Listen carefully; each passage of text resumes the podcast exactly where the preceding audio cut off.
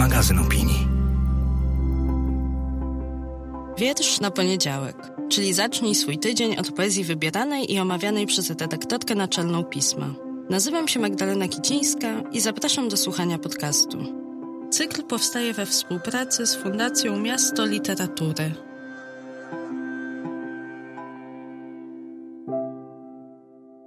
Dzień dobry, cześć, dobry wieczór. O jakiejkolwiek porze słuchasz tego podcastu, czynisz mnie bardzo szczęśliwą. Cieszę się, że tutaj jesteś i te parę minut swojego życia chcesz spędzić z poezją i z informacją o poezji, bo dzisiaj właśnie tak. 21 marca w Międzynarodowym Dniu Poezji co roku, taka jest tradycja, Festiwal Miłosza ogłasza swoją kolejną edycję.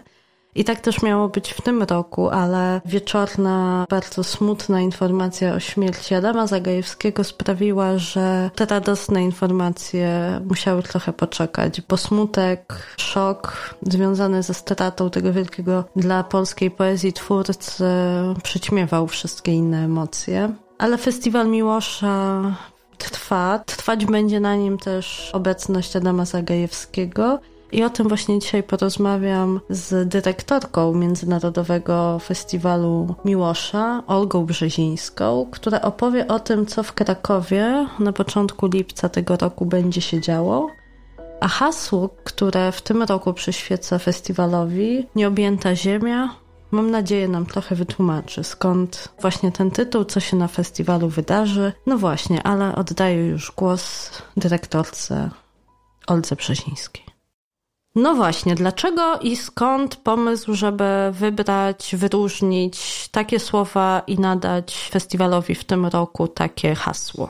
Jak co roku korzystamy z inspiracji, które zapewnia nam twórczość patrona festiwalu i w tym roku sięgnęliśmy do pierwszego ponoblowskiego tomu, bardzo złożonego, w którym mieszczą się i wiersze, i tłumaczenia Czesława Miłosza i jego refleksje i odwołania do różnych mistrzów i poetów. Więc w ramach poszukiwania tej formy bardziej pojemnej, jakiej szukał Czesław Miłosz, my też szukamy formy bardziej pojemnej dla festiwalu Miłosza, żeby mogło znaleźć się tam miejsce dla wielu form ekspresji, które łączą się z poezją, czyli nie tylko poezja będzie nam towarzyszyć przez te festiwalowe dni. A druga rzecz, która jest istotna, to samo hasło Nieobjęta Ziemia wpisuje się jakoś niezwykle aktualnie w kontekst tego wszystkiego, co przeżywamy, bo okazało się, że nie umiemy objąć tej ziemi, która się tak dynamicznie zmieniła i wszystko to, co myśleliśmy, nagle obraca się w pył, nie mamy nic pewnego. I o tym chcemy rozmawiać na festiwalu Miłosza, o tej podróży przez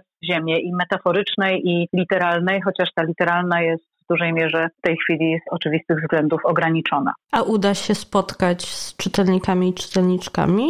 Znaczy im właściwie z poetami i poetkami, to chyba w tę stronę powinnam powiedzieć. To znaczy, czy wierzycie w to, że ta hybrydowa formuła uda się, że uda się ją zrealizować? Ja akurat w tym względzie jestem człowiekiem wielkiej wiary i jestem przekonana, że w lipcu będziemy mogli spotkać się na żywo. Myślimy oczywiście o wszystkich kwestiach bezpieczeństwa i o możliwych restrykcjach, także przygotowujemy alternatywne scenariusze, ale jedną rzecz postanowiliśmy w gronie organizatorów na pewno, że po pierwsze festiwal odbędzie się wtedy, kiedy go zaplanowaliśmy 9-11 lipca, odbędzie się w Krakowie i do pięknych przestrzeni Pałacu Potockich przy rynku głównym będziemy mogli zaprosić i poetów, i poetki, i naszą publiczność. Oczywiście jest jedno ograniczenie, którego nie jesteśmy w tym roku w stanie przeskoczyć. Nasi goście zagraniczni spotkają się z publicznością za pośrednictwem światłowodu, ale wierzymy, że i tę niedogodność pokonamy, a spotkania będą wartościowe. Zwłaszcza, że w przypadku naszych gości zagranicznych w większości mamy już dostępne w tej chwili tomy tłumaczone na język polski, które ukazały się już w zeszłym roku. Wspaniałe tłumaczenia poezji Agi Michol z Izraela, Alice Oswald z Wielkiej Brytanii, Iwana Sztrypki ze Słowacji i Petera Giziego ze Stanów Zjednoczonych, a także gościa pasma Off Miłosz, naszego awangardowego pasma Antonego Józefa. Wiem, że tobie jako organizatorce trudno pewnie wybrać byłoby jedno spotkanie, na które czekasz najbardziej, ale No ale może jednak się odważysz, a jeśli nie, to powiedz mi, z czym ty będziesz na ten festiwal przychodziła? Z nadzieją na co? Bo dla mnie te spotkania festiwalowe których mi bardzo też brakowało, zwłaszcza tych poetyckich, zwłaszcza takich, w których największa magia dzieje się właśnie w momencie spotkania, czytania, słuchania poezji czytanej przez twórców bezpośrednio, ale też bycia w takim małym, kameralnym, intymnym gronie. To jest na, właśnie nie bez powodu użyłam słowa magia, bo dla mnie to zawsze były wyjątkowe momenty. Inne niż na spotkaniach z autorami prozy czy z autorami reportażu, przez kameralność nie samych tylko spotkań, formy tego, że one są z reguły mniejsze, chociaż i oczywiście zdarzają się gwiazdy i gwiazdorzy poezji, którzy ściągają tłumy. Natomiast przez kameralność mam na myśli takie wyjątkowe poczucie, że nawet jeżeli na sali jest więcej osób, to ten poeta czy poetka mówi tylko do mnie. I tak zresztą było na ostatnim festiwalu Miłosza, na którym miałam okazję być, więc dlatego Ciebie pytam, czy Ty na któreś z tych wydarzeń czekasz najbardziej? Ja przede wszystkim czekam na cały festiwal, który odbędzie się na żywo. To jest wielki brak, który mi towarzyszył przez cały zeszły rok, bo Festiwal Miłosza z powodu obostrzeń przeniósł się do sieci. I to pozbawienie możliwości obcowania z poetami i poetkami na żywo było bardzo dotkliwe dla mnie. I myślę, że nie tylko dla mnie. Druga rzecz jest taka, że ja po prostu biorę udział we wszystkich spotkaniach, które się odbywają na festiwalu i nie tylko z e, obowiązku funkcyjnego, ale także z przyjemności, bo planujemy i organizujemy i programujemy festiwal tak, żebyśmy sami również chcieli na nim być. Nie kłaniamy się jakimś wymyślnym gustom, tylko próbujemy wyczuwać puls poezji w taki sposób, żeby to było interesujące dla nas i interesujące dla naszych odbiorców. Ale żeby nie uciekać od Twojego pytania, to muszę powiedzieć, że jakąś nieprawdopodobną przyjemność czerpię ze spotkania zbiorowego, które od kilku już lat otwiera festiwal. To jest spotkanie, które nazywaliśmy umownie wieczorami w metaformie u stóp Wawelu. Spotykali się wszyscy nasi goście polscy i zagraniczni we wspólnym czytaniu z Towarzyszeniem Muzyki. I tak jak towarzyszył nam Mikołaj Trzaska, czy ostatnio Hubert Zemler, tak w tym roku ten wieczór jak to umownie nazywamy sobie z moim współprowadzącym Michałem Nogasiem Oskarowa Gala Festiwalu Miłosza. To jest niezwykłe spotkanie, które jest magiczne, ale w inny sposób niż te spotkania autorskie, ponieważ zapewniamy taką przestrzeń bez zacisku, bez ciśnienia, w której po prostu spotykają się ludzie na luzie, czytają wiersze, jest muzyka, można pić herbatę, można pić wino, można e, się przechodzić w otoczeniu tego miejsca, w którym to się odbywa. I na tym luzie zdejmujemy taki ciężar, który czasami spada na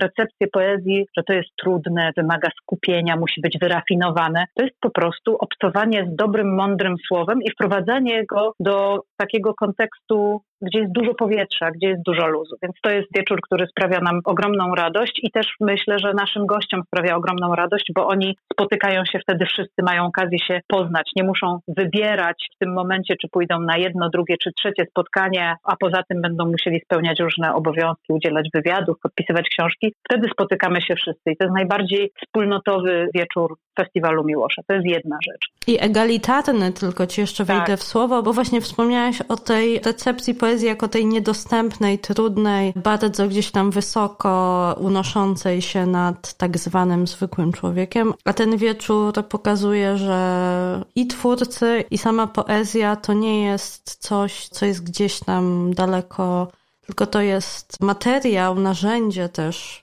to też tak ją można traktować, codziennego funkcjonowania w rzeczywistości. Ja też na to bardzo, bardzo czekam też jeszcze dodajemy do tego ten kontekst wspólnotowy, o którym wspomniałam, bo oczywiście lektura poezji jest zazwyczaj czynnością bardzo prywatną i bardzo intymną. A tutaj spotykamy się wszyscy w tej samej przestrzeni, w tym samym celu i możemy się nawzajem zobaczyć. I to nie jest tak, że jest nas 1354 sztuki tych, którzy czytają i lubią poezję, żeby się posłużyć tą słynną liczbą Enzensbergera. Jest nas wiele, wiele więcej. I nie ma też takiego zawstydzenia z bycia razem i słuchania poezji. Nie ma w tym nic staroświeckiego ani nic wstydliwego. I na to bardzo, bardzo czekam i też czuję się zobowiązana nie przez naszą znajomość, ale przez szczerą wiarę w to, że festiwal Miłosza jest miejscem, którym warto się znaleźć i którego wydarzenia warto śledzić. Zapraszam już w lipcu do Krakowa. Ale będą jeszcze inne atrakcje, bo wydaje mi się, że to jest też jakiś niezwykle ważny element tegorocznego programu, bo będziemy nie tylko cieszyć się wzajemną obecnością, ale będziemy też kłaniać się tym, których już nie ma. Będziemy, a mówię tutaj konkretnie o choćby Adamie Zagajewskim, którego nagłe odejście pozostawia wielką wyrwę. Adam Zagajewski był wielkim przyjacielem festiwalu Miłosza, był członkiem Rady Programowej Festiwalu i też wielokrotnie gościł na festiwalu Miłosza. No dziwny będzie festiwal bez Zagajewskiego, taki niewyobrażalny. Będzie za to jego poezja z nami i będzie z nami muzyka, którą cenił, którą kochał, której słuchał i która też jest bardzo obecna w jego twórczości, tak lirycznej, jak i eseistycznej. Więc to jest rzecz, która myślę, że też jest bardzo ważna żeby złożyć jakiś pokłon i nie zapominać, że to jest nasz obowiązek, żeby to słowo żyło i krążyło wśród nas.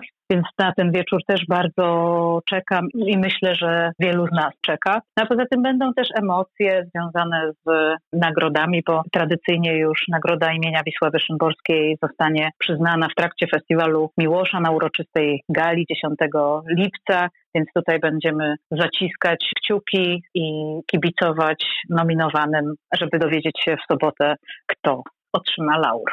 Więc jeszcze więcej powodów, inspiracji, argumentów za tym, żeby w lipcu w Krakowie się pojawić, czytać poezję, słuchać o poezji, spotykać się z nią i też z innymi formami przez nią inspirowanymi. Zapraszam jeszcze raz serdecznie i bardzo Ci dziękuję za to, że no, przedstawiłaś właśnie całą gamę argumentów na rzecz obecności na tegorocznym Festiwalu Miłosza. Tak, a przecież to nie wszystko. Jeszcze, jeszcze, jeszcze tutaj bardzo dobrze. Ja już dzisiaj nie będę ujawniać wszystkich tajemnic, co przygotowaliśmy w programie, ale naprawdę nie zabraknie właściwie dla żadnego podniebienia odpowiedniego pokarmu. Będzie i pasmo awangardowe, będzie konkurs młodej poezji, będą debaty, będzie wykład miłoszowski, także wybierać, przebierać, a już na pewno, tak mogę skonkludować, to jest data 9-11 lipca, kiedy w Krakowie po prostu trzeba być. To jeszcze przypomnij, gdzie można się dowiadywać o tych kolejnych odsłonach i zapowiedziach? Wszystkie informacje będziemy systematycznie publikować na naszych kanałach, na stronie Festiwalu Miłosza www.miłoszfestiwal.pl i na naszym Facebooku Festiwalu Miłosza na kanałach organizatorów, czyli Miasta Kraków, Krakowskiego Biura Festiwalowego i Fundacji Miasto Literatury. Także tych kanałów jest cała masa i też nasze kochane, wspaniałe, przychylne media opowiadają i niosą te wiadomości o Festiwalu Miłosza do naszych odbiorców, mam nadzieję, wzmacniając ten komunikat i potwierdzając, że to jest czas, kiedy po prostu trzeba przyjechać do Krakowa. Z pismem na czele, oczywiście w tych mediach. Oczywiście. Dzięki serdeczne. Dziękuję bardzo.